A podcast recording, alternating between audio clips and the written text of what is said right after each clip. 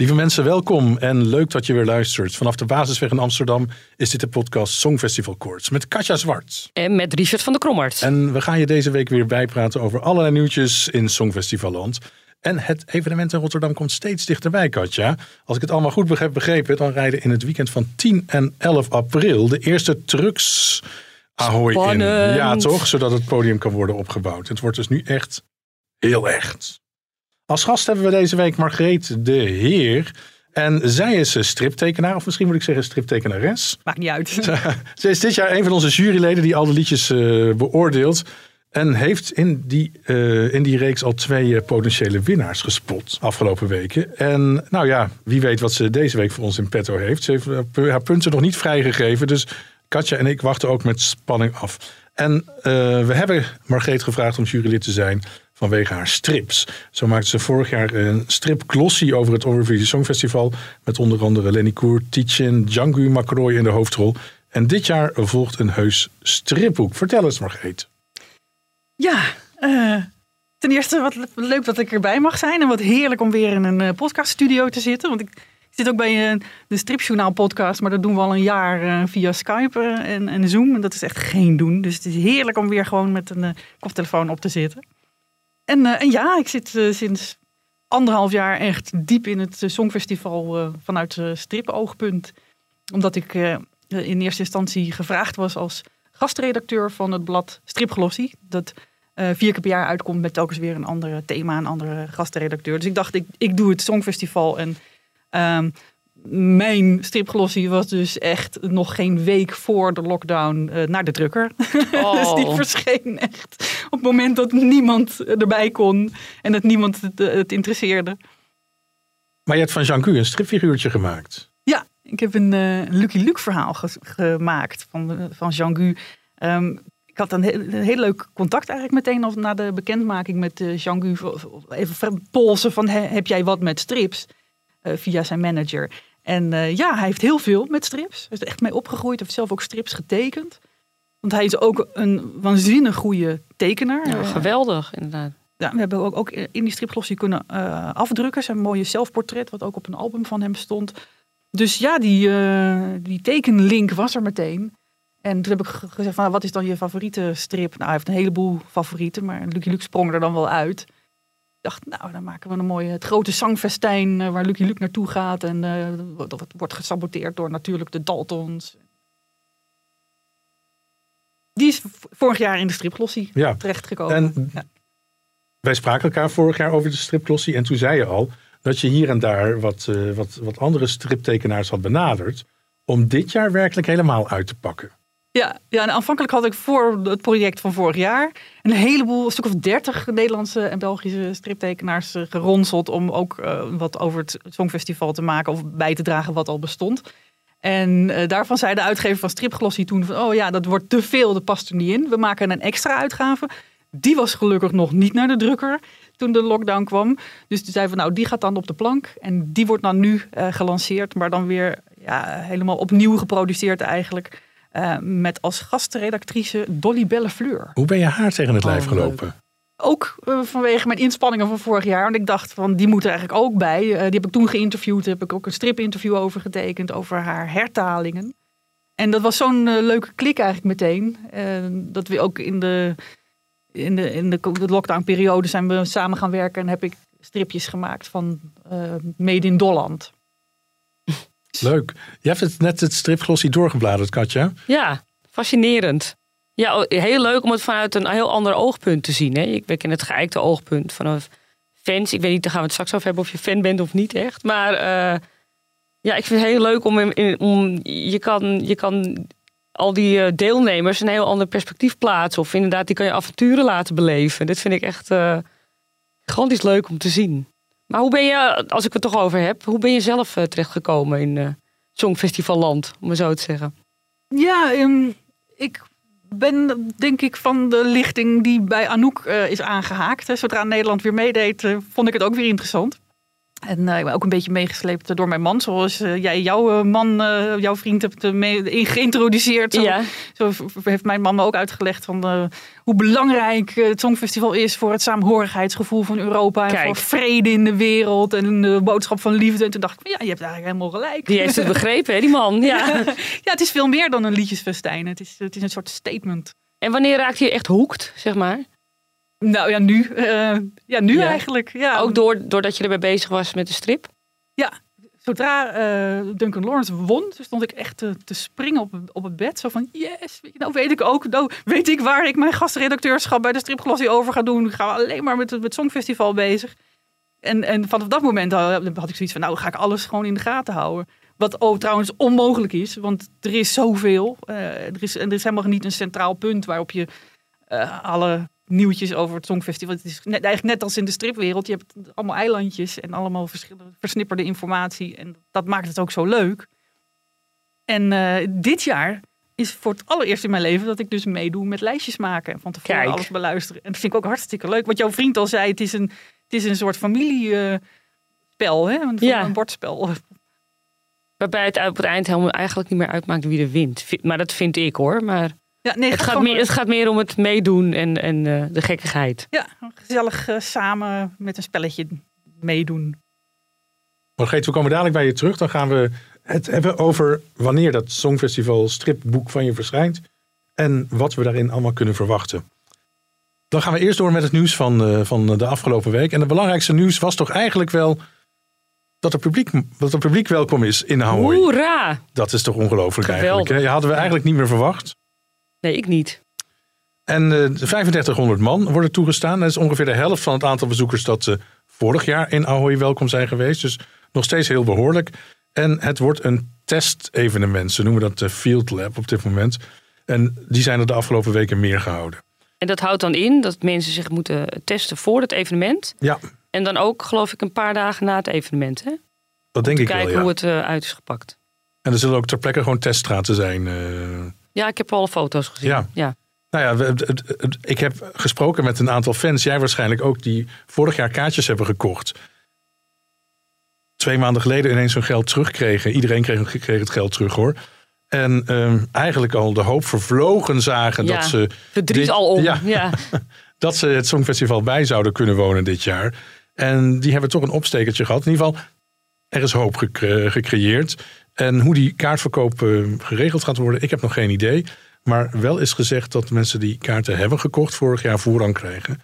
En misschien krijgen ook allerlei mensen uit Nederland voorrang. Weet jij dat? Er mogen geen mensen uit het buitenland bij. Oké, kijk. Ja, nou. dat is al Ja. zeker. Zielig voor die mensen, maar het is even niet anders natuurlijk. En ehm, ik vind het vooral voor de artiesten fijn hè, dat ze interactie hebben in de zaal. Want eh, als je nog, heb je, ik weet niet of je nationale finales hebt gezien, Margreet of, of Nee. eh, eh, Richard, heb je nationale finales gezien? Estland, hè? Het vorige week nog ja, over. of, ja. of Finland of Zweden. Het blijft toch zo'n raar gevoel dat er geen eh, publiek in de zaal Zonde, zit. hè? Ja, nou ja, goed. is echt, het voelt leeg. Dus ik ben heel blij wat dat betreft. Maar, maar als ik het goed begrijp, dan hebben ze dus eh, iets van 7000 kaarten verkocht vorig jaar. Die zijn nu allemaal per weer show, ja. terug, het geld is teruggestort. Er komen er 3500 weer in de verkoop. Mensen die al eerder hadden gekocht, krijgen voorrang om weer nieuw kaartjes te kopen. Ja. Maar dan heb je dus, als je vorig jaar niet hebt gekocht, zoals ik, nu helemaal geen kans eigenlijk om. een een Weet ik niet, kaartje want iedereen uit het buitenland valt af. Hè? Dat zijn er veel hoor, dat moet je niet onderschatten. Ja. En ik, Ja. en ik ga er eigenlijk ook vanuit dat er geen pakketten meer verkocht worden. Ik heb vrienden die bijvoorbeeld voor alle negen shows kaarten hebben Ja. gekocht. En ik weet niet of, dit, ja, of dat deze maand weer in zo'n sausje wordt gegoten. Ik heb daar niks over gehoord. Nee, nog. ik ook niet. Nee. Eind april weten we meer eh, daarover. Katja, we hebben toch nog een rel. Heerlijk. Er was natuurlijk al een beetje een rel in de dop. Maar eh, in de politiek in Rusland eh, is er gevraagd om een onderzoek eh, naar het selectieproces van die Russische inzending. En dat is vooral vanwege de tekst van, van de Russische inzending. En een senator daar in Rusland begrijpt niet waar die tekst over gaat. Dat wil zeggen, ze begrijpen het hartstikke goed. Maar Ze willen het niet begrijpen. ze willen het niet begrijpen. en het zijn volgens haar zijn het zinnen van een 30-jaar meisje met een paar persoonlijke problemen. Wat hebben Russische vrouwen hiermee te maken? Zo vraagt die senator zich af. Nou, wat is het verhaal erachter? Hè? We hebben zangeres Manisa die eh, dit jaar Rusland eh, vertegenwoordigt. En eh, in Rusland werd plotseling een nationale finale georganiseerd. Daar hielden wij al geen rekening meer mee. Maar Ja, toch van- leuk dat ze dat deden. Vanuit het niks een Ja. soort van. Hè? Ja. En Daar won ze die nationale finale. En nou, dat hele verhaal, die weerstand tegen haar begint eigenlijk al met dat ze een vluchteling uit Tajikistan is. Maar ook omdat ze zich sterk maakt voor LHBT-rechten in Rusland. Nou, dat is natuurlijk redelijk pikant. En eh, daarom heeft de Russische Unie van Orthodoxe Vrouwen, die bestaat echt, al gevraagd om dat lied te verbieden. Vorige week hadden we de duivel in de orthodoxe kerk. En nu hebben we de Russische orthodoxe... De vrouwen ook, hè? Apart. Maar wat zingt zij in dat lied? Nou ja, het, het- het- het- zij, is echt, zij, zij zingt echt een powervrouwenlied. Eigenlijk fantastisch. Daar eh, komt ze ook wel over, ja. hè? Ja. Ik vind, het een heel leuk, eh, ik vind het een heel leuk nummer. Ja, we gaan het natuurlijk pas over een paar weken bespreken, de Ja. Russische inzendingen. Maar de kracht straalt er en alles vanaf. En eh, het is misschien niet, niet het beste liedje om op de radio te horen. Nee, maar het, straalt lekker, lekkere emancipatie uit. Ja. En dat, dat vinden ze in Rusland niet zo fijn. Nee, maar daar kunnen ze Rusland best wel wat van gebruiken. Ja, Ja, ik hou van dwarsliggers. ja, Ja. goed zo. Heb jij er al iets van meegekregen? Ja, ja, ja. Ik was eigenlijk helemaal van plan om de nieuwe inzending te haten. Omdat het niet Little Big was. Want ik ben een grote fan van Little Big. Maar toen zag ik hem en ik was meteen om. Ja, Ja. Ja, wat Little Big betreft, die, die trokken zich ineens terug. Ja, wat was dat eigenlijk? Ja, dat weten we eigenlijk niet. Er wordt gefluisterd, er wordt gezegd dat Little Big graag nog steeds mee wil doen met het Songfestival. Maar eigenlijk geen zin had om in Rotterdam een halfbakken Songfestival mee te maken. Oh, zo. En ze gaan voor de real thing. Dus volgend jaar, wie weet, herkansing voor eh, Little Big. Ik had begrepen dat ze aan het begin van die nationale finale heel zielig hebben aangekondigd. Wij doen niet mee dit jaar. En toen zijn afgedropen op het podium. Oh. Nou, dat past, wel, dat past wel in alles wat bij Little Big doet natuurlijk. Eh, ze nemen zichzelf niet al te serieus. Heel goed. En dan is er weer een wedstrijd georganiseerd. Want wat is het beste songfestivallied van Nederland? Elk jaar wordt die uitverkiezing wel georganiseerd. En nu is het opgepikt door eh, eh, BNN-VARA. En af- de aftrap daarvan was eh, vorige week in het programma De Vooravond. En er is een vakjury gekozen van vier mensen. Cornel Maas, Willeke Alberti, Paul de Leeuw en Stefania. En laten we even een stukje luisteren uit de vooravond. Ik kreeg die lijst zeg maar, van 61 liedjes. En ik dacht, ik ken de helft niet eens. Dus eh, ja, maar ik vond het wel leuk en interessant. Want ik kon wel echt het verschil zien van vroeger en nu. Vroeger vond persoonlijk, vind ik qua zang, vond ik het veel beter. Omdat het toen echt om de zang ging. Nu gaat het ook meer om de performance. Die je dan, eh, hè, ja, en, en dat zie je wel. Ja, ja, maar was er bijvoorbeeld iets bij waar, waar je echt zeg maar, tegen deze drie oudjes, zeg ik dan maar, gewoon echt even je kont tegen de krip moest gooien? Dat je dan, ik vind dit gewoon te gek. En zij vinden het helemaal. Ja, ik vind Waylon echt te gek. Maar dat vond, vonden zij niet zo. was ik op 53 en bij eh, Stefania op 2, oudloop. Ja, kijk, Ja. om het verschil ook natuurlijk dat wij de liedjes, want dat was het probleem. Bij elk liedje zit bij mij een herinnering. En die kan goed zijn, die kan ook minder goed zijn. Of ik weet bijvoorbeeld, Gerard Joling is bij mij gezakt omdat hij gewoon live niet meer goed zong. Hij kon die hoge noot niet zingen, omdat hij nog een snabbel had de avond daarvoor ergens in, eh, in Nederland. maar ja, dat heeft die bagage, heb je helemaal niet. Jij luistert puur naar het liedje en de uitvoering. Ja. Ja. En bij mij is het natuurlijk, ja, ik weet nog wel, eh, dingen zijn hoog geëind omdat ik daar heel goed gevoel bij had. En ook de nummers zijn laag geëind omdat ik dacht, ja, ik heb er helemaal niks mee. Of, iets, iets van lang geleden. Corrie Brokken. ja, maar Corrie Brok is gewoon een hele goede zangeres. Ja. En dat- dat een blijft van de grootste, een dat- de grootste ja. in Even, Nederland even kijken wat zij destijds ooit. Ja. Wees nog eens lief, net als toen. Vraag stralen. Ik vind er echt Ja. een prinses hier of zo. Ja, ik, ik heb zoveel geleerd van deze vrouw. Ik, ik weet ook nog heel goed dat ik net Danielle gekregen had.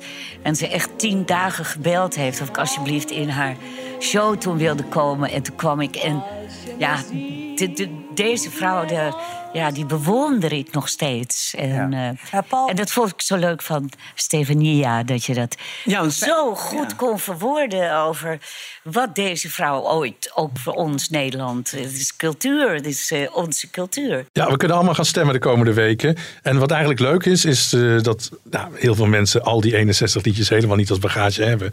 En zich toch door al die 61 liedjes moeten, moeten wurmen om een eigen lijstje te maken. Maar ik vind het dan wel dat ze dan maar, met alle respect voor de oude garde, dat ze maar één jonkie hebben gekozen. Had er dan nog een jonkie bij gedaan, denk ik dan.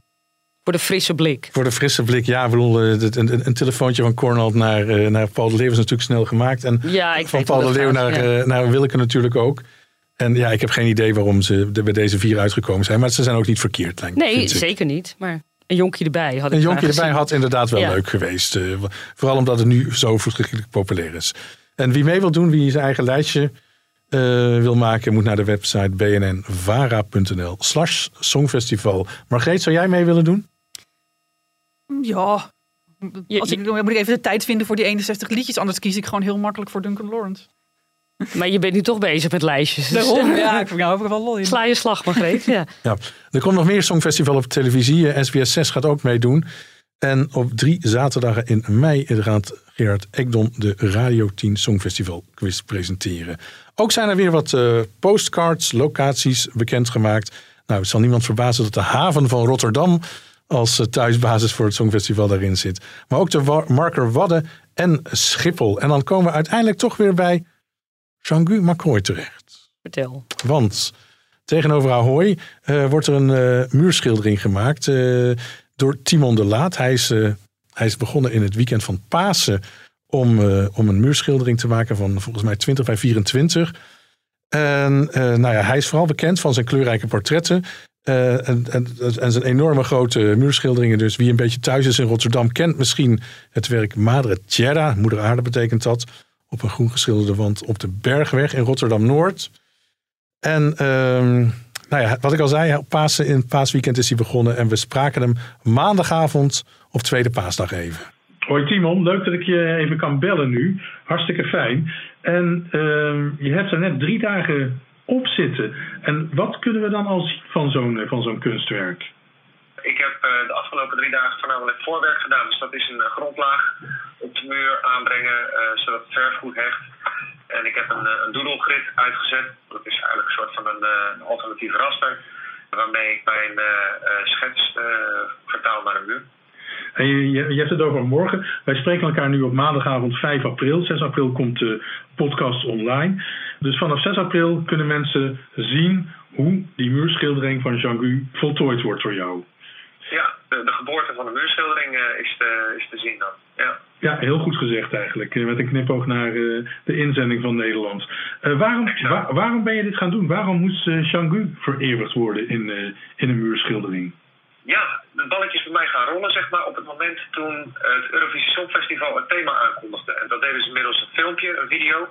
Eh, en in die video kwam een muurschildering van mij voorbij. En toen dacht ik van, ja, maar dat past inderdaad eigenlijk wel heel goed bij het thema Open Up.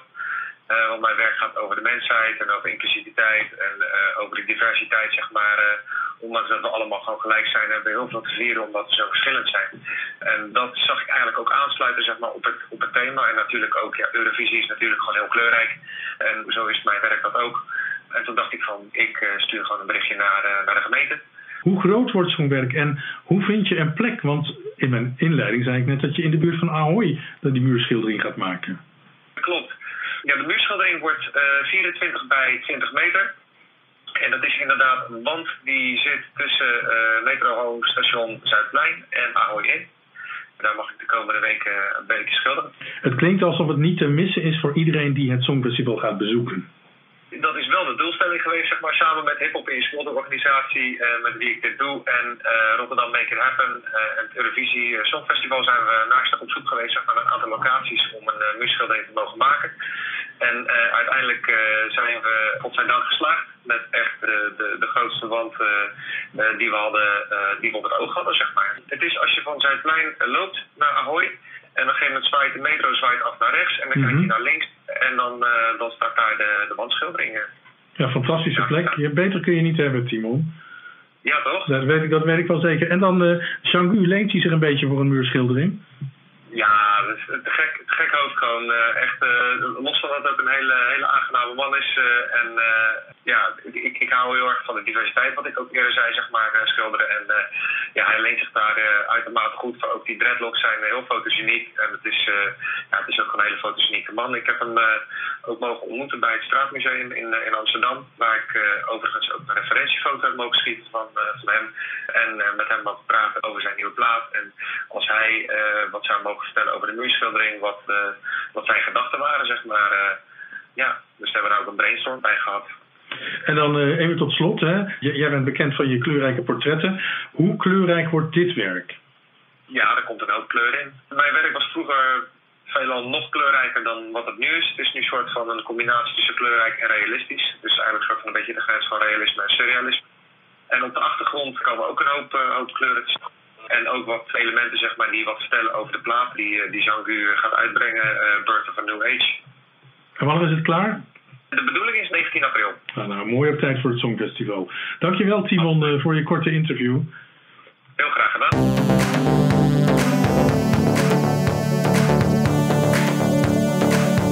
Nou, nog steeds zitten we in de Songfestival podcast, eh Songfestival Koorts. En Margreet de Heer zit nog steeds naast ons. En ehm, nou ja, we gaan het hebben over je Songfestival stripboek dat dit jaar uitkomt. Ik hoop deze maand al. En ehm, je had het in een voorgesprekje al over Stefan Lauwers... die de liedtekst van Jean-Guy Macroy eh, heeft eh, geïllustreerd. En eh, je zei tegen me, nou, we hebben al wat laten zien. Eh, en nou ja, hij was echt absoluut zeer verguld daarmee. Eh, het lijkt wel of een tekening, ah, je laat hem nu hoog zien... alsof je rechts, rechtstreeks in, eh, in Suriname zit. Ja, ja. Fantastisch. Ja, ik, hoe moeten we even omschrijven? Of omschrijf jij even wat, wat we zien op de tekening? Het is een, eh, een, een tekening in zwart-wit met een bruine achtergrond. Dat is heel typerend voor de Belgische tekenaar Stefan Lauwers.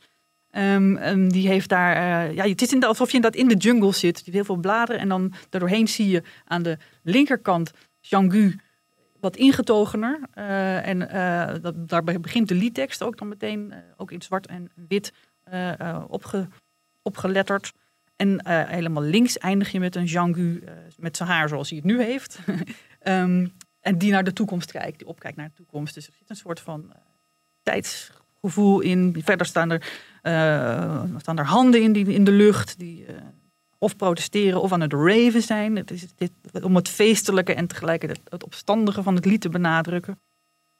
Het is, ja, het is, een, het is een soort liedillustratie. Het is niet per se een strip. Maar ik vind hem heel, heel, heel erg mooi. Die gaan we heel mooi afdrukken. Hij heeft heel erg de sfeer van het lied gepakt hè, in, in deze tekening. Ja, hè? ik. Ja. ja. Echt, eh, echt geweldig. Hey Margreet, kun je vertellen wat er in de rest van dat stripboek allemaal komt... en hoe de variatie is? Ehm, nou, we beginnen met een, eh, met een uitgebreid interview met Jean-Gu, wat Dolly net vorige week even heeft afgenomen. Dat wordt gewoon een tekstinterview met eh, plaatjes tussendoor. Onder andere gewoon de, de, de promotiefoto's, waar ik dan Dolly er figuurtje op getekend heb. Ik vind het erg leuk om, om, om foto's te combineren met, eh, met stripfiguurtjes. Ehm, ja, verder eh, zit er eh, van, van allerlei Nederlandse tekenaars wat in. Ik heb hier Michiel van der Pol meegenomen. Die had vorig jaar al een strip gemaakt van Jean-Gu met zijn, eh, met zijn manager. eh, van ja, een leuk liedje, Jean-Gu. Maar denk je ook wel een beetje om, je, om, om de omlijsting, de, muziek, de, de muzikale omlijsting. En dan zie je eromheen allemaal van die, van die markante Ja, ik zie. Verkers Doetska, ik zie Conchita, ik zie Paul Oscar, heel lang geleden, jaren negentig. En niet te vergeten Welon. Oh, die moet ik, eh, ik moet mijn bril opzetten. Ik, zie ik die ken, een ze, stukje ik ken ze niet allemaal. Dus dit, dit, Ah, echt het fantastisch. Uitgeleefd. Ja, dus dat is, dat is nou, gewoon een ontzettend leuke kijkplaat. We hebben Jeroen Funke met een, met een hilarische strip over vader Abraham die niet eh, kan kiezen. Pierre Cardner die niet kan Ja, kiezen. dat is U een weet wel. historisch moment. Ja. ja. Ja, alleen dan blijkt het uiteindelijk om eh, twee smaken zakken chips te gaan. die die gaat nuttigen tijdens het kijken. Oh, dan heb ik de clue weggegeven. En eh, verder nog een heleboel strips van, die, van mezelf die ik vorig jaar er niet eh, in paste bij de stripglossie. Onder andere eh, het verhaal van Anouk.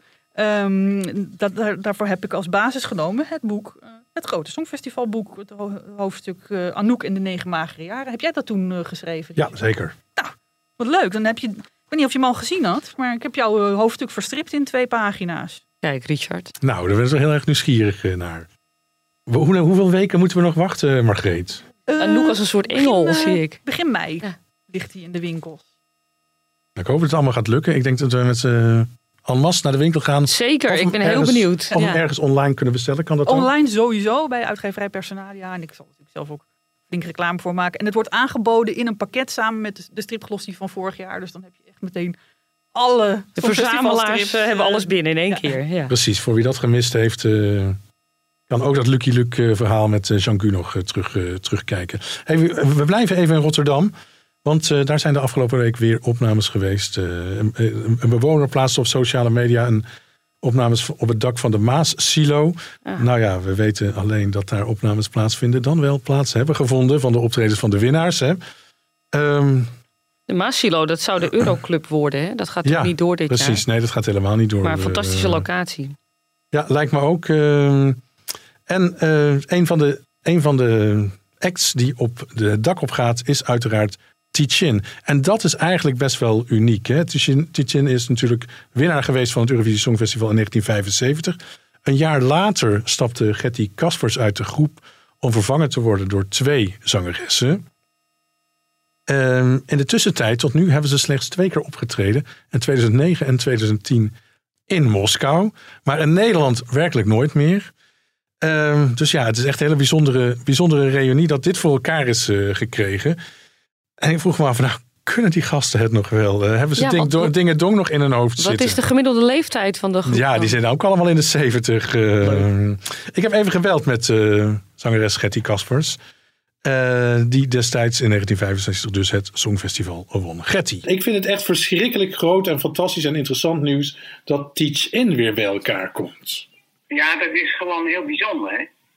Na zoveel jaar hebben wij eh, toch besloten samen om, tenminste ik sowieso, want ik ben natuurlijk eh, regelmatig eh, nog wel onderweg en bezig. En voor het Songfestival hoort natuurlijk de groep op te treden en niet ik alleen. En dat heb ik vanaf het begin verkondigd, want ik heb gezegd dat moet zo zoals het hoort. Want we hebben ook samen gewonnen, dus na zoveel jaar gaan we ook weer samen het podium op. Ja, dus van jou kwam het idee en dan begrijp ik dan goed dat de organisatie daarmee aan de slag gaat? Of hoe gaat dat om jullie echt weer bij elkaar te krijgen? Ja, ja, ja, ja. Maar kijk, eh, eh, in eerste instantie moest natuurlijk iedereen ja zeggen. Kijk, we zijn natuurlijk allemaal een stukje ouder geworden. En het had gekund dat er eh, eentje had gezegd van... eh, ik doe niet meer mee. Toen heb ik gezegd, dat gaat niet gebeuren. Of allemaal, of ik alleen. Nou, toen hebben ze toch maar besloten met z'n allen om eh, toch met, echt met de originele groep. Want ik heb ook gezegd, het is zo bijzonder, wij leven allemaal nog. Het is niet vanzelfsprekend als je rond de 70 bent, dat je allemaal nog in leven bent. Het is gewoon zo speciaal dat wij nu ook de gelegenheid krijgen om het te doen. Dus dat is natuurlijk nu even weer aftasten en we hebben elkaar lang niet gezien. Maar het gaat heel goed. Je zegt je hebt elkaar lang niet gezien. Wat was dan de laatste keer dat jullie eh, elkaar hebben gezien?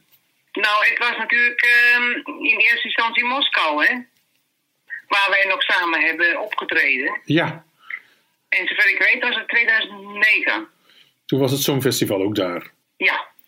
En toen heb je in de En, stad eh, opgetreden. Wij hebben toen eh, ook opgetreden. Dat is dan die avond, jij weet dat beter hoe dat heet. Ik ben het een beetje verkwijt. Ehm, waar alle artiesten met aanhang en zo ontvangen worden door eh, de burgemeester. Of Ja. door, ja. Leuk. En eh, daar hebben wij dus ook opgetreden. En dat was heel leuk om te doen. En dat was waarschijnlijk in het stadhuis dan, of niet?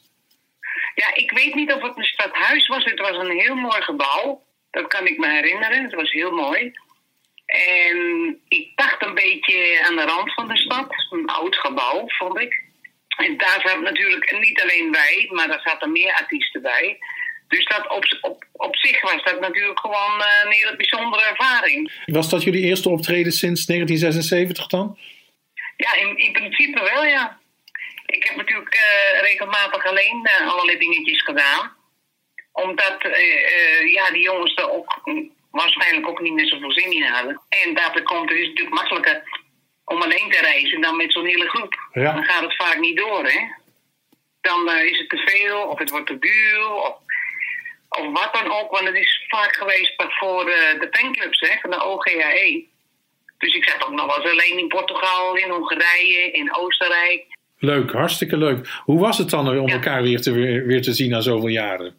Nou ja, eh, gewoon in eerste instantie een beetje aftasten, hè? want we zijn allemaal een beetje een andere weg eh, ingeslagen. Maar uiteindelijk merk je dat, dat het oude gevoel weer een beetje terugkwam. Weet je, zo gezellig samen even weer het podium eh, op. Dat lijkt me heel erg leuk, ja. En kenden jullie allemaal dingen dong nog? Eh, Zat dat nog in jullie hoofden? Ja hoor, dat verleer je niet. Net als fietsen verleer je toch ook niet. het, moet, het duurt eventjes voordat je weer op gang komt. Maar eh, uiteindelijk eh, komt het allemaal goed. Hey, en we gaan jullie zien tijdens de finale op zaterdagavond 22 mei. Mogen jullie dan ook kiezen welk dak je opgaat? Dat denk ik niet. Ik denk dat we dat wat toegewezen krij- krijgen, maar dat maakt niet uit. Het is eh, de verrassing. Nou, ik ben heel erg nieuwsgierig. Nou ja, ga lekker door met repeteren, Getty. Ja, natuurlijk doen we dat. Verschrikkelijk leuk. En ik verheug me op zaterdagavond 22 mei. Met de reunie van Teachin.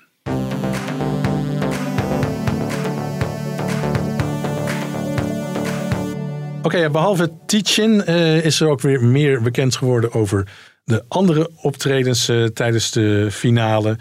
Ehm, en ja, de beelden die een week geleden gemaakt zijn op de Erasmusbrug blijken dus ook voor de finale te zijn. Daar stonden eh, Afrojack en Wolf. Dus geen Madonna dit jaar in Rotterdam. Halleluja, zeggen we dan. Als oude fan nog wel, zeg ik dat. Maar Afrojack en Wolf, die ik dus weer niet ken. Ik voel me echt heel oud in deze podcast. Ik moest eh, weer gaan zoeken. Maar eh, Voice of Holland zag ik... eh, ja, Wolf heeft mooie dingen gedaan. Waar hij nooit echt aan mee heeft gedaan, want de stoelen waren niet omgedraaid. Maar daarna is het hem heel goed vergaan. Ja, Hè? prachtige, geweldige goede singer-songwriter. Met ook Ja. een paar hele leuke hits inmiddels gehad. Eh, ja, echt de moeite waard, die jongen. En Glennis Grace. En Glennis Grace mag eindelijk in de finale van het Songfestival staan. Heeft ze heel lang op gewacht. Ja, Ja. 16 jaar later. En eh, terwijl Afrojack en Wolf op de Erasmusbrug staan, eh, staan daarna Afrojack en Glennis Grace op het podium in Ahoy. Heb jij niet een beetje het idee dat ze aan het uittesten zijn? Vorige week hadden we het over Eefje de Visser. En nu krijgen we deze combinatie. Dat, ze- dat de Afrotros ook aan het uittesten is wie ze dan volgend jaar kunnen sturen. Dat, dat weet ik eigenlijk niet. Het is dat wel, zou- het is wel een goed, goed eh, proefje als je weet wat er aanslaat. Dan denk je, Ja, nee, toen wij hier, eh, toen we hier eh, eh, begonnen met deze podcast, in het voorgesprekje zei ik al van Wolf zou ook een goede zijn voor het Songfestival. Ik ben eigenlijk van overtuigd. Dat is een muzikant poer zang. En ik vind echt dat hij leuke, goed in het gehoor liggende liedjes maakt. Ik weet, eh, het, ik, ja, ik heb nooit een optreden van hem gezien eh, of bijgewoond. Dus ik weet niet hoe dat, eh, hoe dat Maar misschien zijn ze wel. Eh, Nou ja, omdat iedereen het al jaren voor Duncan had over een combinatie Afrojack, eh hoe heet die, Armin van Buren-achtig, Glennis Grace combi. En, en nu gaan we dat in die finale zien. Ik denk, oh, ze gaan, even- het, is ook, het is een heel leuk optreden, neem ik aan. Maar ook een goede testcase. Twee testcases hebben we dan. En het publiek en, en misschien de en misschien de inzending voor volgend jaar Ja. van Nederland. En dan zou je denken aan Wolf van Eefje de Visser en aan Glennis Grace. En een DJ erbij. Nou, nee, niet allemaal tegelijk, hoop ik. ik denk dat ze misschien kijken wat het meeste aan gaat slaan en dat ze dat dan sturen. Heb jij nog een goed idee voor een inzending voor Nederland? Nee. Niet op het moment. Ik zou, ik, ja, mag ik dat zeggen? Ik Nou? zou- nu, nu word ik heel hard uitgelachen. Ik zou het geweldig vinden als ze Lee Towers een keer sturen. maar dat is, dat is als je niet wil winnen natuurlijk. Maar dat is gewoon om de cult zou dat echt fantastisch zijn. Ja, nou ja, ook, er is ook geen gerechtigheid eh, voor Willeke Alberti, want zij zit dus ook niet in de finale. Precies. Helaas. Eh, en RTL Boulevard sprak eh, regisseur Tim Oliehoek en die heeft dat alles op die Erasmus film, Erasmusbrug gefilmd. Hier een stukje. Als ze de punten tellen, dan eh, wordt dit een live act. Nou, wij hebben natuurlijk al opgenomen vorige week. Twee lange nightsuits. Dus bij, maar ja, die druk ligt dan niet meer bij mij. Maar inderdaad bij Glennis Grace. Eh, dus dat was wel heel spannend om te doen. En een grote eer. Dus als je je vraagt, ja, dan zeg je natuurlijk geen nee. En wat gaan we zien dan, zometeen? Eh, nou, het is echt een mini-speelfilmpje. Ik wil echt een soort liefdesverhaaltje vertellen. We zien twee jonge acteurs die op een magische manier eh, op die Eras- Erasmusbrug terechtkomen. En dan zien we die 80 man van orkestleden en 40 dansers en Wolf natuurlijk en Afrojack en veel spektakel. Een, echt een klein mini-speelfilmpje. En ja, daar hebben we opeens iets, iets, iets liefs bedacht. Maar vooral ook veel spektakel. Ja, is er nog eh, meer spektakel te melden over de show in Rotterdam?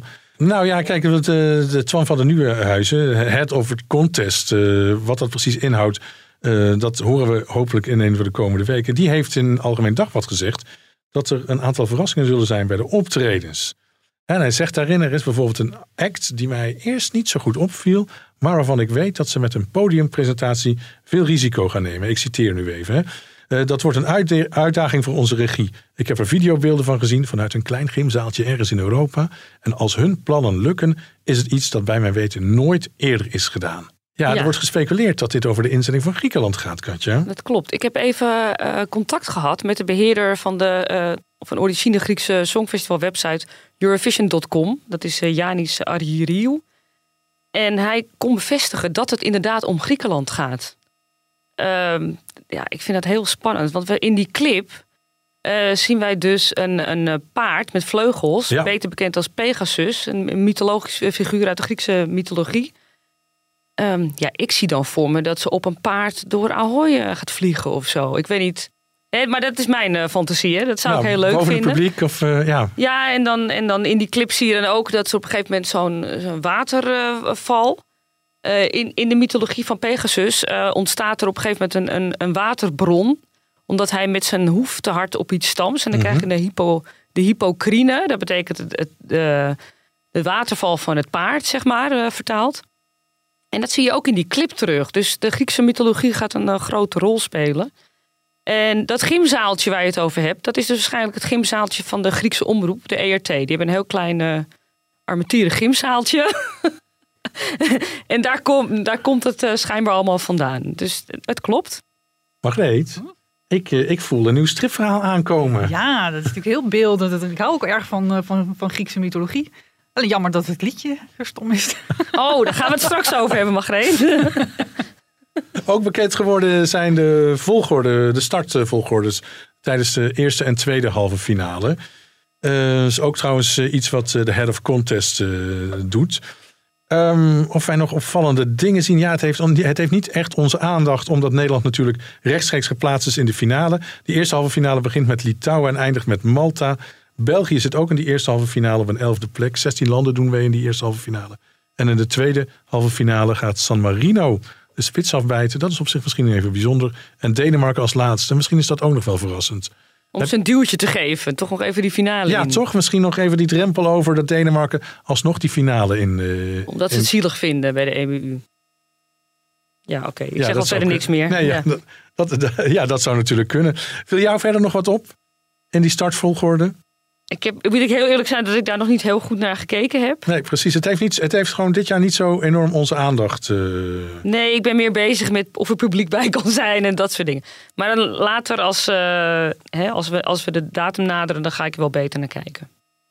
En eh, de, misschien valt het te regelen dat Twan van der Nieuwenhuizen aanschuift bij deze podcast. En dan gaan we het absoluut ook hebben over de startvolgorde. Mooi. Hey, de boekmakers. het wekelijkse blik op wat de boekmakers denken dat gaat winnen dit jaar. Nou, ik zie weinig verandering. De top 6 even snel achter elkaar. Malta, Zwitserland, Frankrijk, Bulgarije, Italië en Zweden.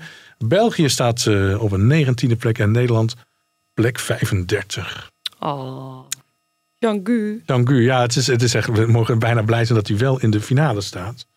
Wel onterecht hoor. Wat kan de reden ja, zijn ja, oh, dat... Margreet- Margreet kijkt heel boos. Ja. Ja. Wat kan de reden zijn dat, dat, dat, dat 39 landen doen mee, Nederland op plek 35, dat het zo laag gewaardeerd wordt? Ja, nou ja, ik vind wel van, van, van Jean-Gu, ook het liedje van vorig jaar, het, het- je moet het eh, meer dan één keer horen om het, om het echt te kunnen waarderen. Misschien dat dat het is. En misschien omdat het ook juist heel anders is dan vorig jaar. Dat mensen vorig jaar wel het liedje mooi vonden, maar nu dan denken van ja, maar het is niet zoals vorig jaar. Ik weet het niet. Ik weet het niet. Ik vind het, oh, ja, 35, dat is toch veel te laag. Het gevaar is wel een beetje wat ik zelf, mezelf op betrapte. Als je een songfestival liefhebber bent. Dat je gaat vergelijken met het, met het liedje van vorig jaar. Omdat dezelfde artiesten meededen.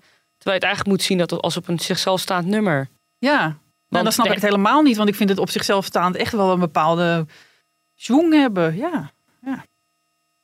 Nou ja, aan Jean-Gu ligt het voor mij absoluut niet. Nee. Ik vind hem geweldig, maar ik heb het al eerder gezegd. Ik ben niet helemaal weg van het nummer. En ik vind het heel zielig om dat te zeggen, want ik vind hem heel erg leuk. Ja.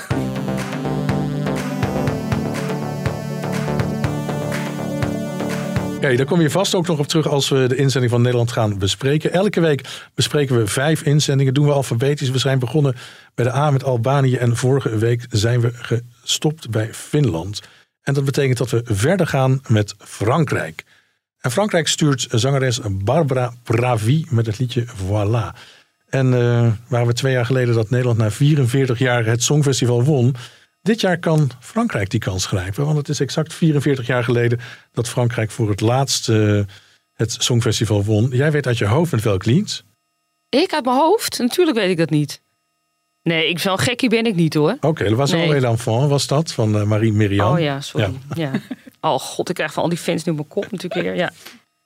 En Nederland won vijf keer tot nu toe. Frankrijk ook. Het is de 63ste keer dat we Frankrijk meedoet aan het Eurovisie Songfestival. En het land krijgt eigenlijk voornamelijk punten van Nederland, België, Zwitserland, Duitsland en Noorwegen. Barbara Pravi, de zangeres die uitkomt voor Frankrijk, is 28 jaar. En het leuke is, ze heeft al een bepaalde songfestivalgeschiedenis. In 2019 en 2020 schreef ze de inzending voor het Junior Songfestival van Frankrijk.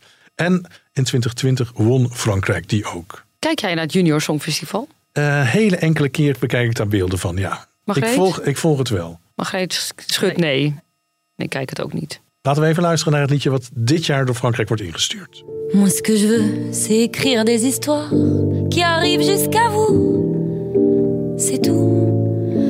Voilà, voilà, voilà, voilà qui je suis. Me voilà, même si, mise à nu, j'ai peur.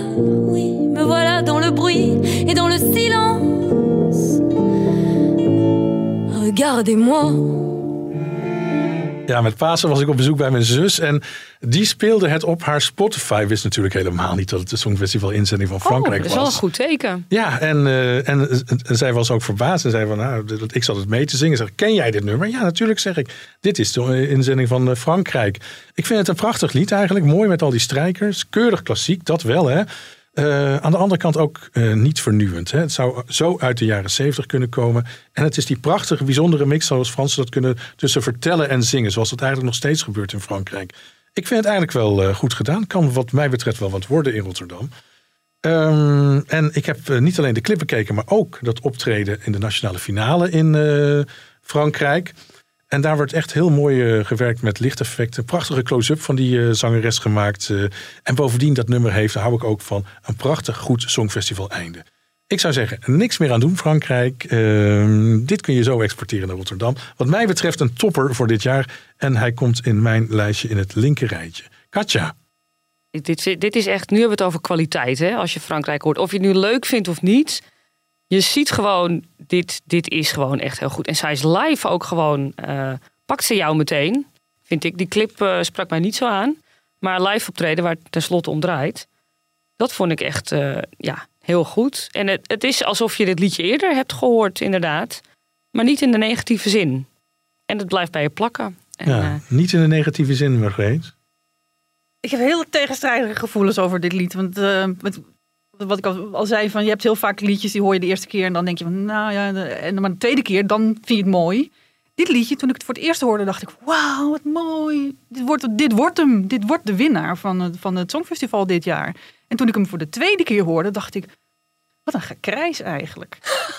En toen ik hem voor de derde keer hoorde met het clip erbij, dacht ik van, wat een pretentieuze clip met die balletdansers die zich door die trein heen werpen als een soort van dementors uit Harry Potter. En, en toen ging ik ook eens even kijken naar de, naar de tekst en wat zingt ze nou eigenlijk? Ze zingt niet zoveel, behalve van, hier ben ik, hier ben ik. Ik ben voilà. een zangeres, ik wil ook wat. Hier ben ik, alsjeblieft hou van mij. Nou ja, je, dus, en dan, dan denk ik van wat zonde. Want eh, ze heeft, maar ik denk dat ze gaat winnen, want ze heeft alles mee. Ze heeft inderdaad al, al dat Eurovisie voor, voor de jongen, voor uh, junior. Junior, dankjewel.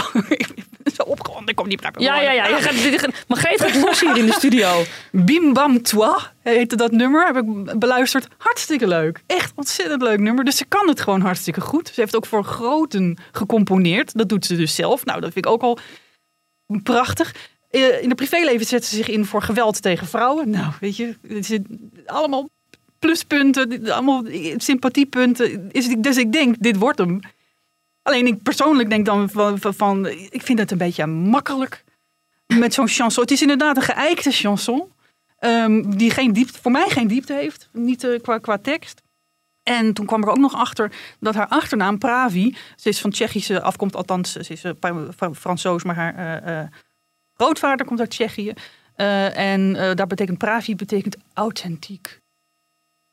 Nou, dat... Als je jezelf authentiek gaat noemen, dan mag, kan je hem helemaal wegdragen. Ja, dat is wel een beetje pretentieus. Ja. Ook, ook trouwens Servische en, en Iraanse ja, afkomst ook de, nog. Serbisch, oh, sorry, Serbisch niet Nee, dat kan ook, dat kan ook nog zijn, weet ik niet. ja. Wat is je beoordeling voor dat lied? Waar ga je het plaatsen in je het, uh, het wordt wel een topper. Nou, tenminste, ik zat dus te, te, twijfelen van moet ik het nou helemaal onderaan plaatsen omdat ik het er zo boos van word. Maar ik vind het geen uh, finale onwaardig ding. Ik vind hem hartstikke finale waardig. Uh, ik vind hem ook geen middenmoot. Dus, dus moet het toch wel een topper worden. Alleen, en ik geloof dus echt eigenlijk dat, het een, dat hij gaat winnen. Maar hij komt niet in mijn top drie. Zo, de Oké. vuist gaat hier op tafel. Katja, jij? Ja, dit, dit kan niet missen eigenlijk, denk ik. Ehm, een topper en, en ook eh, een potentiële winnaar. Oké, laten we even horen wat de andere juryleden erover zeggen. Ah, Frankrijk. Eindelijk. Het klassieke Franse chanson. Eindelijk weer vertegenwoordigd op het Eurovisie Songfestival. Klassiek, maar tijdloos in zijn soort. Als Edith Piaf, Jacques Brel, Charles Aznavour. Voilà, je staat aan de top. Een klassiek chanson, prachtig in de uitvoering. Heel eenvoudig, maar heel herkenbaar. Maar of ik er ook echt iets mee heb? Mwah. Toch komt dit wel eh, in de top 5, denk ik. Dus zet deze maar in het linker rijtje. Good evening Europe. Eh, voilà, hier zijn de beoordelingen weer van de vijf landen. Allereerst Barbara Pravi, ja, een potentiële winnaar vanuit Frankrijk. Zowel het nummer Voilà als de uitvoering straks op beeld. Ik zeg in alles 12 points. Dit is Jens van Over de Grens Calling en ik kan je zeggen, Frankrijk stuurt dit jaar een topper en meer nog, een potentiële winnaar zelfs. Voilà, j'ai le dit. Ik heb het gezegd dus. Deze week eindelijk meer variatie in mijn puntentelling. Vive la France. Toen ik dit liedje hoorde, dacht ik: dit is een reclame voor du pain, du vin, du boursin. Maar in al zijn eenvoud is het prachtig. De zangeres is beeldschoon. Ik denk dat mannen hier een harde baguette van gaan krijgen. Dus het heeft veel potentie en daarom voor mij een potentiële winnaar. Ja, het is misschien niet heel stoer en heel mannelijk om toe te geven, maar ik vind dit gewoon prachtig. Wat mij betreft niet alleen linkerrijtje in de finale, maar ook een van de drie kandidaatwinnaars. Als dit wint, dan, eh, dan heb ik een goede avond. Frankrijk, denk ik, eh, denk dat dat een topper is. Een mooi zwijmelnummer dat eh, van een Big Five land meteen in de finale staat. En denk ik heel hoog gaat eindigen. Dat waren onze juryleden. Eh, nog eventjes, wie hebben jullie gehoord? Eh eh eh, Edwin Kleijs, Aran Bade, Jens Geerts, Frank Otten, Niels Kalkman en Jelmer Visser. En we hebben dan ook punten even bij elkaar opgeteld. En Frankrijk is inderdaad tot nu toe de inzending die we het meeste waarderen. In totaal geven we 27 punten aan dit land. Volgende inzending die we gaan bespreken is die van Georgië. Van Tornike Kipiani, als ik het goed uitspreek. Eh, met het liedje You. Ehm, nou ja, Georgië doet nog niet zo verschrikkelijk lang mee. Dit wordt de dertiende keer dat het land eh, meedoet. Twee keer zijn ze negende geworden. Dat is eigenlijk gewoon de hoogste positie ooit. En ehm, ik vond in 2009 maakte de rockgroep El Dream eh, echt indruk in Düsseldorf met hun inzending. Eh, maar niet met de kleding. Ze wonnen dat jaar de Barbara Dex Award. Daar ben ik niet met je eens. Nee, Nee, ik ben het niet eens met die Barbara Dex Award. Ik ook niet. Ik heb die kostuums van dichtbij gezien. Dat was echt, dat was echt vakwerk. Dat was fantastisch. En eh, eigenlijk was ik eerder onder de indruk van de kleding dan van het lied. Maar ja, dat ben ik natuurlijk weer. Maar eh, dat wou ik toch even gezegd hebben. Nee, snap ik, snap ik, snap ik. Tornike hij won zeven jaar geleden in Georgië de X-Factor. En ehm, hij, komt dit, hij komt uit in de tweede halve finale.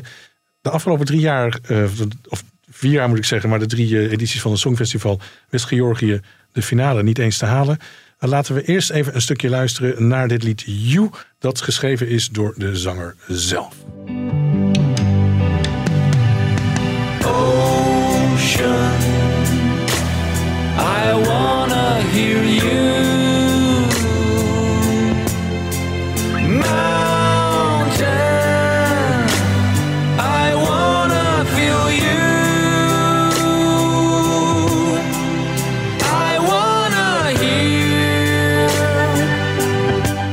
Nou Margreet, Ik vind dit prachtig.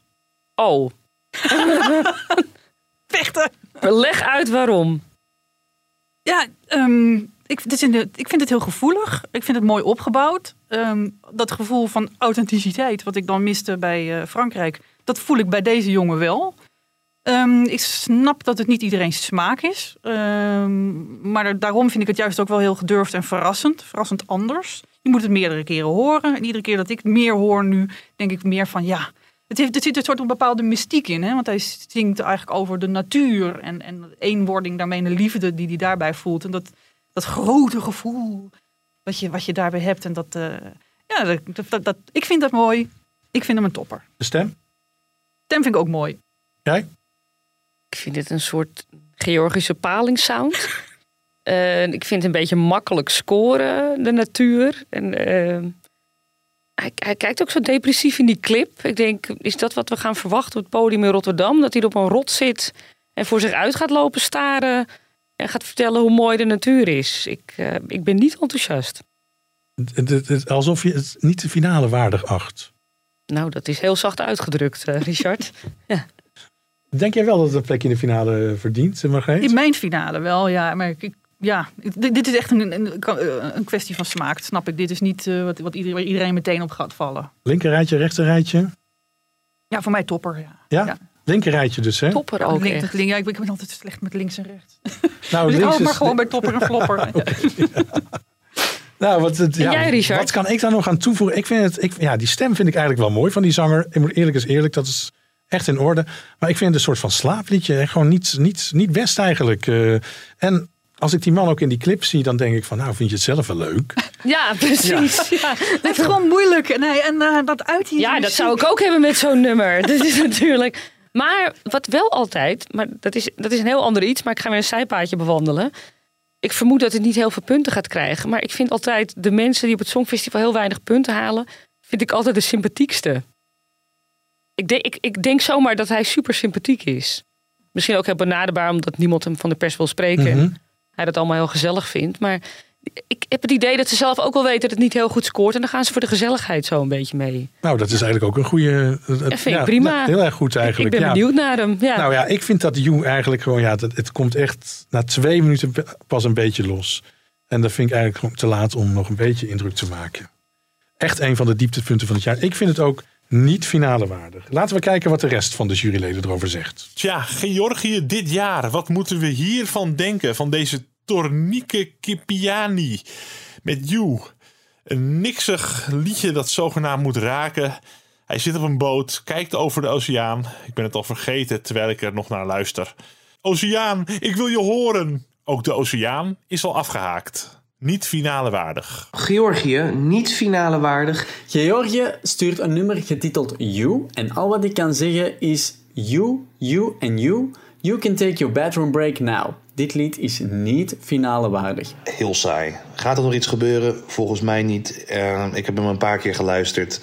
En ik skip hem nu eigenlijk als hij voor- voorbij komt in mijn lijstje. Niet finale waardig, mag er eh, achter elkaar uit. Tbilisi, Nayalisi. Helaas, we gaan volgend jaar niet naar Tbilisi. Niet finale waardig. Ik kon me deze totaal niet voor de geest halen.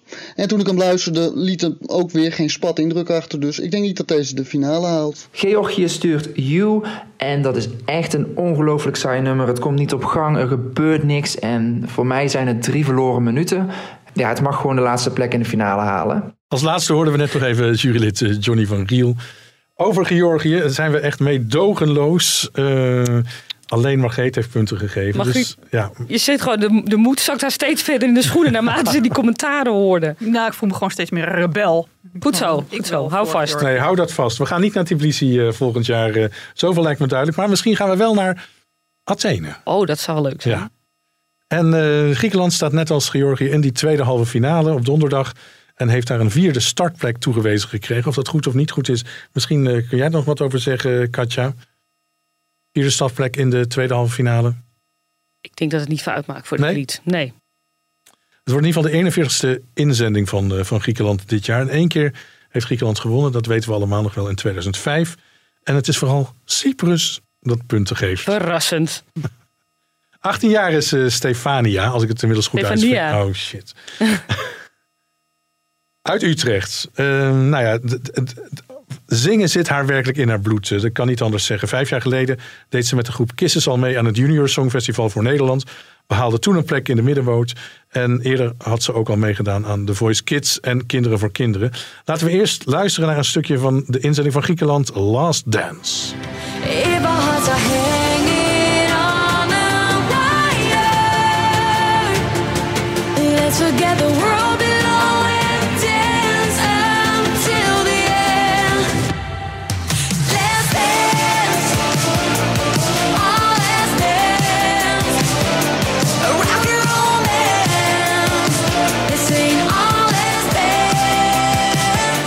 Ja, in tegenstelling tot Tornieke lijkt Stefania er wel zin in te hebben.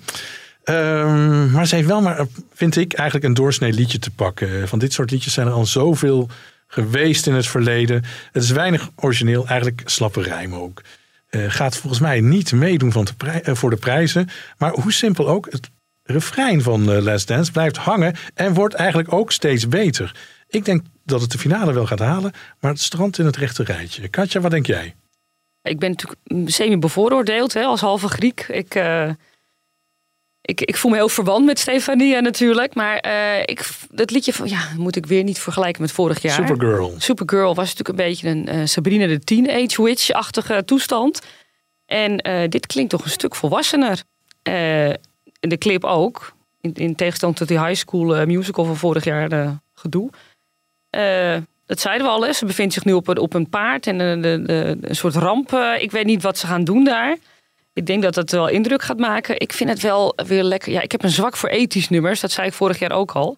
En dat klinkt dit ook weer. En dat pakt mij toch wel. En ik denk mede door de act aan een topper. Margreet dan? Margreet deed de koptelefoon af tijdens het luisteren van dit liedje. Dat zegt heel genoeg natuurlijk. Nou ja, ik ben het met, met, met Richard eens. Het is een beetje, eh, ja, eh, 14 in een dozijn eh, ge- geluid. Ik heb er geen heel heftige negatieve eh, of positieve gevoelens bij. Maar ik denk, voor mij is het niet finale wa- waardig eigenlijk. Waar, waar ik wel nu heel benieuwd naar ben, is de, de aankleding. En dat, eh, dat paard. Ja, dat belooft veel, hè, de aankleding. Dus wie weet gaat Griekenland wel winnen, Katja. Ik, dat zou ik geweldig vinden, maar ik denk het niet. Trouwens, eh, het wordt ook weer geschreven door eh, dit, eh, dit songwriters team. Die Dimitris Kondopoulos, Ja. het, het Songfestival Collectief Arcade. En Sharon Vaughan. Ken jij die naam, die laatste? Ja, zeg maar wel iets. Help me even. Ja, zij heeft dus heel veel. Ik ben even in haar gedoken. Zij woont in Amerika en heeft onder andere ook voor Willie Nelson en Kenny Rogers in het verleden geschreven. Ook gewerkt met Dolly Parton. Mhm. Geen mega-hits gemaakt, maar toch leuk om dat te vermelden in je cv.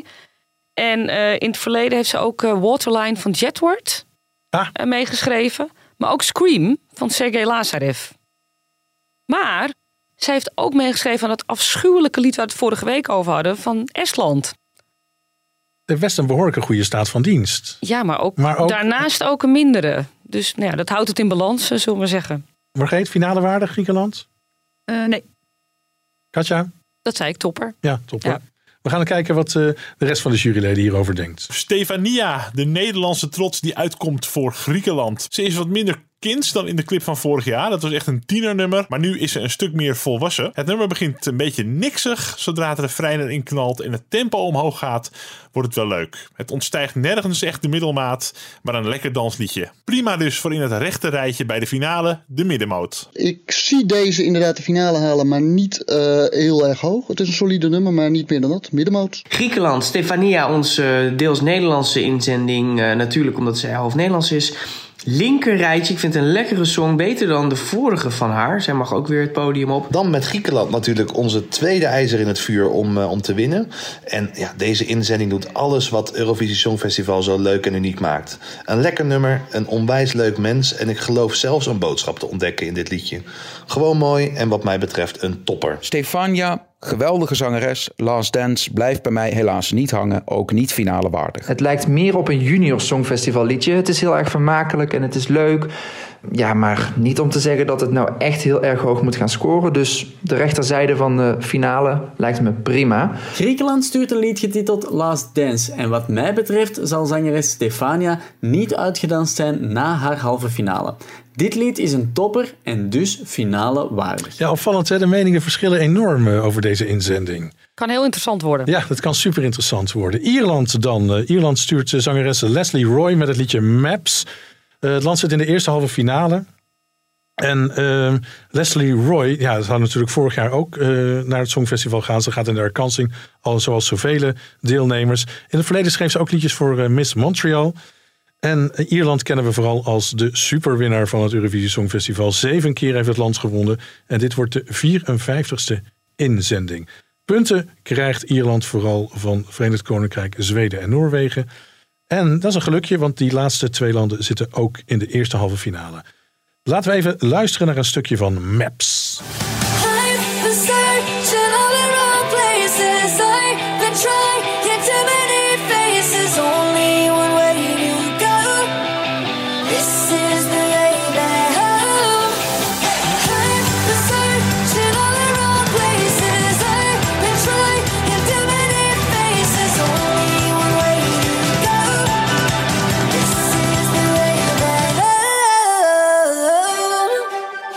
Een stukje van Maps eh, was dat. Eh Katja, Ja, Ierland. Ik, ik dein wel een beetje mee, maar dat is eerder omdat ik geen keuze heb, zeg maar.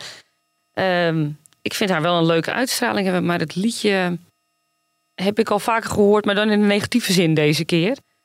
Ik denk dat het wegzakt tussen de rest, op een of andere manier. En daarom denk ik ook eh, dat het niet finale waardig is. Margreet, denk jij dat ook? Ja, ben ik het mee eens. En ik vind het heel jammer, want ik, ik hou ook meteen, haar uitstraling vind ik meteen echt heel sympathiek. Of haar, ik las dat ze eh, identificeert als non-binair. En dat vind ik ook eigenlijk wel heel interessant. En Een Amerikaanse vrouw heeft. Ik vind, ja, daar wil ik wel meer van weten. Maar dit nummer batst er ook meteen zo in. Hè? Er zit geen opbouw in. Je wordt niet, niet even lekker ingeleid. Het is de hele tijd wat je, wat je zegt. Je kan niet, je wordt, je kan niet anders. Jammer. Eh, voor mij ook niet finale waardig. Oké, kan ook de prullenbak in. Dus eh, nou ja, ik denk ook dat Ierland eigenlijk gewoon niet wil winnen dit jaar. Eh, het is gewoon de minst inspirerende en onopvallendste inzendingen eh, van 2021. Geen enkele seconde komt mijn hoofd in. Ik vind dat het echt in niks overtuigt. Waar Eh, gaat dit lied over eigenlijk? Nou ja, dat, dat, dat gaan we nog een keer uitzoeken voor volgende week, Oh, dat heb denk ik wel, ik. wel Ja. gekeken. Want het heeft Ja. wel inderdaad een boodschap gewoon over van de. Van, van, van waar ga ik heen in mijn leven? Van naar die maps, die, de plattegronden, van de- welke, welke richting kies ik? Ja. Dat, dat, nou, ja, dat is, vind ik meer eh, boodschappen dan Frankrijk, wederom. Dus eh, Ja. daar staat wel wat in. Maar ja, dan moet je het wel mooi brengen. Een bekende van mij uit de Songfestivalwereld vond ik heel hilarisch om even te vertellen. Eh, die heeft het heel letterlijk opgevat. En die heeft eh, Leslie Roy even wat plattegronden gemaild van, eh, van Schiphol en Rotterdam. Want hij dacht dat het wel handig zou uitkomen. En ze heeft hem daar vriendelijk voor bedankt. dus, vond ik heel ja, maar waar gaat het heen in het leven met, eh, eh, met deze inzending? Ja, ik vind het nog steeds, het blijft gewoon een flutnummer. Dit gaat voor de laatste plaats. Maar die videoclip, als we het toch hebben, waar gaat het heen in het leven? Trekt ons wel naar Ierland toe. Want er zijn wel mooie beelden van het land geschoten, absoluut. Wat mij betreft niet finale waardig. En we gaan even luisteren naar de overige juryleden. Ierland. Blonde zangeres danst bij een bos en doet iets, doet dingen in een heel erg middle of the road liedje dat je al duizend keer eerder hebt gehoord. Niet finale waardig. Ierland stuurt Leslie Roy met Maps. Ehm, je hoort aan haar stem dat er echt wel een paar eh, effectjes overheen zitten en dat het heel erg bewerkt is. Dus ik weet niet of zij dit overtuigend kan brengen. Ik heb ook nog geen live versie gehoord. En misschien verrast ze ons, maar ik denk ook dat zij aan de rechterzijde van de finale gaat eindigen. En misschien dat ze zelfs de finale niet gaat halen als ze het niet live kan. Ik vind het een heel mooi nummer. Ik denk zeker linker rijtje. Ik ben wel heel benieuwd naar de live uitvoering. Dit is nou echt zo'n nummer waarbij je onderuit kan gaan op het podium. Ja, wat mij betreft wel finale waardig, maar boven de middenmoot komt het niet uit. Ik word er een beetje rusteloos van als ik dit nummer luister, omdat de climax uitblijft. Ehm, het bouwt steeds ergens naar op en, en dan, ja, dan gebeurt het niet. En dat vind ik gewoon erg jammer. Eh, wat mij betreft eindigt dit dus in de middenmoot, in het rechterrijtje in de finale. Ierland doet het al lang niet goed op het Songfestival, maar het liedje Maps zet Ierland wel weer op de kaart. Dit is een goede middenmotor. Ierland. De zangeres Leslie is lekker lesbisch, maar een tweede Malitva zie ik dit niet worden. Desondanks een goede middenmotor. Ierland heeft de afgelopen jaren na die gekke tweeling eigenlijk nooit meer echt iets laten zien op het Eurovisiepodium. En dit jaar eigenlijk ook niet echt. Dus ik denk niet dat dit de finale haalt. Ja, Ierland zijn we niet zo eh, over te spreken. Alleen Aran, die denkt nog wel dat het in het linker rijtje terecht komt. Schattig hoor. Ja, dat is absoluut. Nou, daar duim ik wel voor. Nou, we blijven bij schattig. eh, want we gaan van Ierland onze laatste liedje van deze podcast. Dat is IJsland. En ik weet nog steeds niet hoe ik het moet uitspreken. Ja, Het ik zeg maar Daddy Vrier of zo. Daddy Vrier, hè, met, Ja. eh, met, eh, met zijn begeleidingsgroep Gakna Magniet of iets. Iets dergelijks, Met het liedje 10 Years.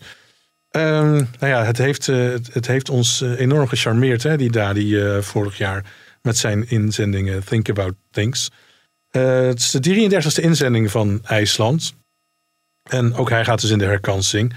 En zelfs dat liedje Think About Things werd vorig jaar ook nog behoorlijk vaak gedraaid op de Nederlandse radio. Dus eh, ik denk dat voor veel mensen wel iets van herkenning daarin zit. Puntengevende vrienden van IJsland, dat zijn Verenigd Koninkrijk, Portugal en uiteraard Zweden, Noorwegen en Denemarken. En het hoogste resultaat van IJsland is tot nu toe een tweede plek. We haalden het land in 1999, maar ook in 2009. Hier eerst een stukje van 10 Years. We've been together for a decade now.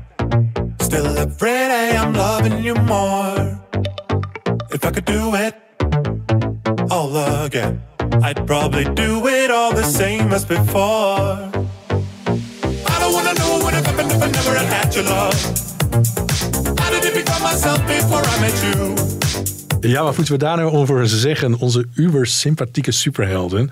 Nou ja, dit ligt gewoon lekker in het gehoor, die inzending van IJsland. Het is gewoon een relaxed eh, 70s deuntje.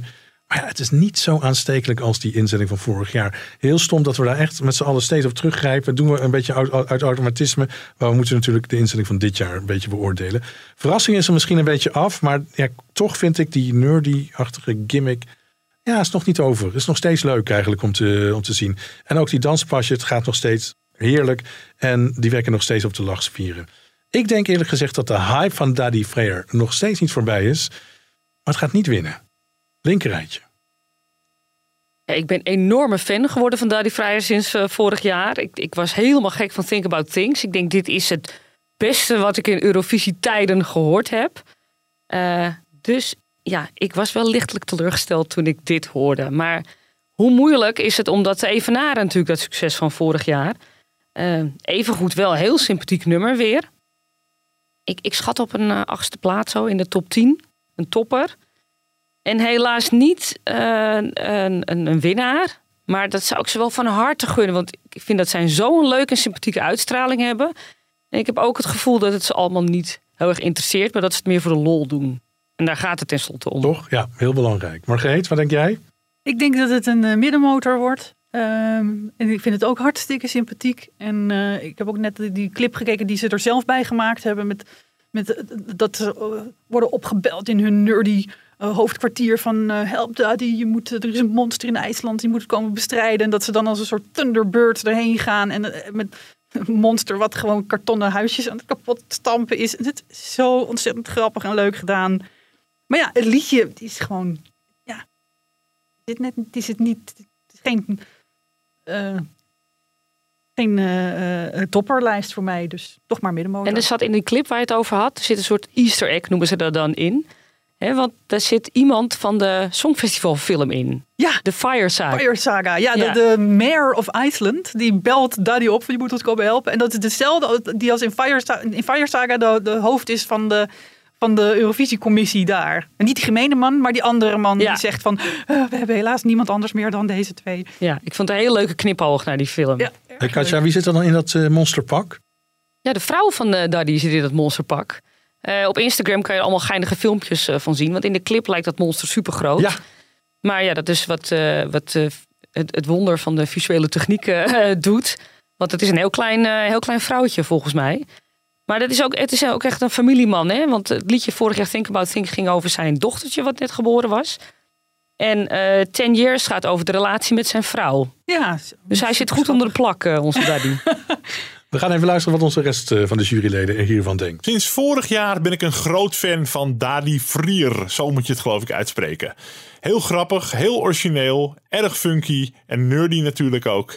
Ik luister veel naar zijn muziek en zoek vooral eens zijn YouTube-kanaal op. Daar maakt hij fantastische dingen. Een geniale vondst als Think About Things overkomt je niet snel een tweede keer, maar dit is een meer dan heerlijke opvolger.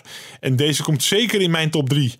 Ook dankzij de nieuwe clip die de afgelopen week werd gereleased. Daddy Frier Goes Power Ranger. Ja, in IJsland natuurlijk. Uh, Ten Years, het nummer. Vorig jaar stonden ze wekenlang, zo niet altijd, op nummer 1 bij de bookmakers. Ik vind dit nog steeds het nummer 10 Years een potentiële winnaar. Wat jammer dat het Songfestival vorig jaar gecanceld werd, want ze hadden echt goud in handen. Wat niet van hun huidige inzending 10 Years gezegd kan worden. Het is een goede middenmotor, maar geen linkerkolom in de finale voor mij. Misschien opnieuw proberen binnen 10 jaar. Ik vind dit een geweldige inzending.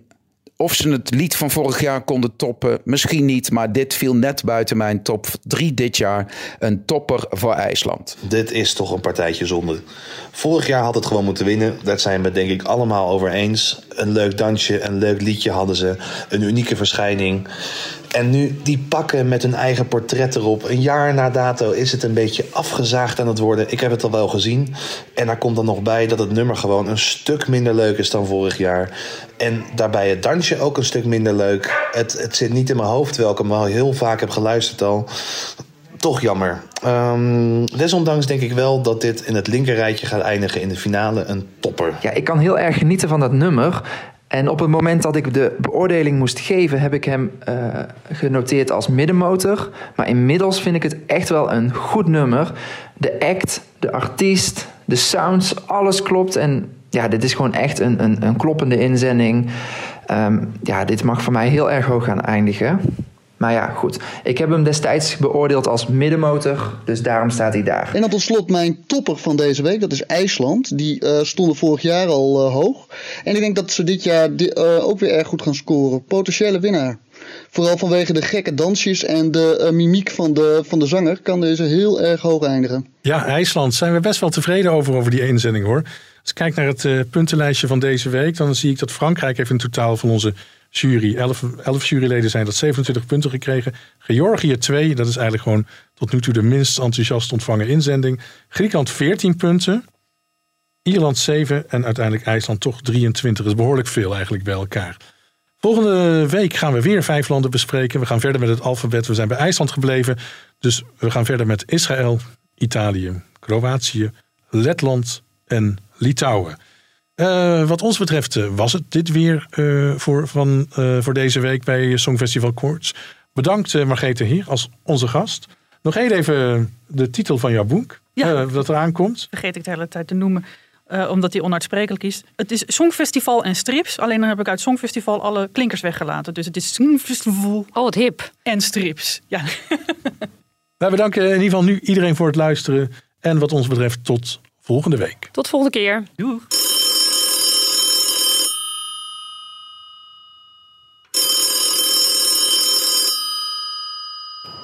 Dit is de voicemail van Songfestival Koorts. Wij zitten op dit moment midden in een opname, dus wij kunnen niet opnemen. Deze voicemail wordt ook niet afgeluisterd, tenzij je Dolly Bellefleur bent.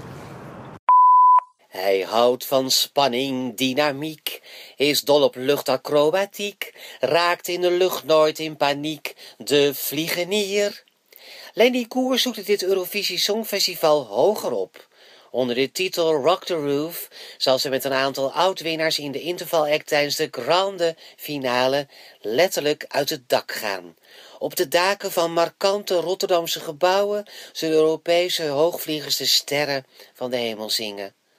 Op het programma staan naast Leni Koer ook Tichin, Sandra Kim, Elena Paparizou, Mans Selmeleu en de Finse hardrockband Lordi.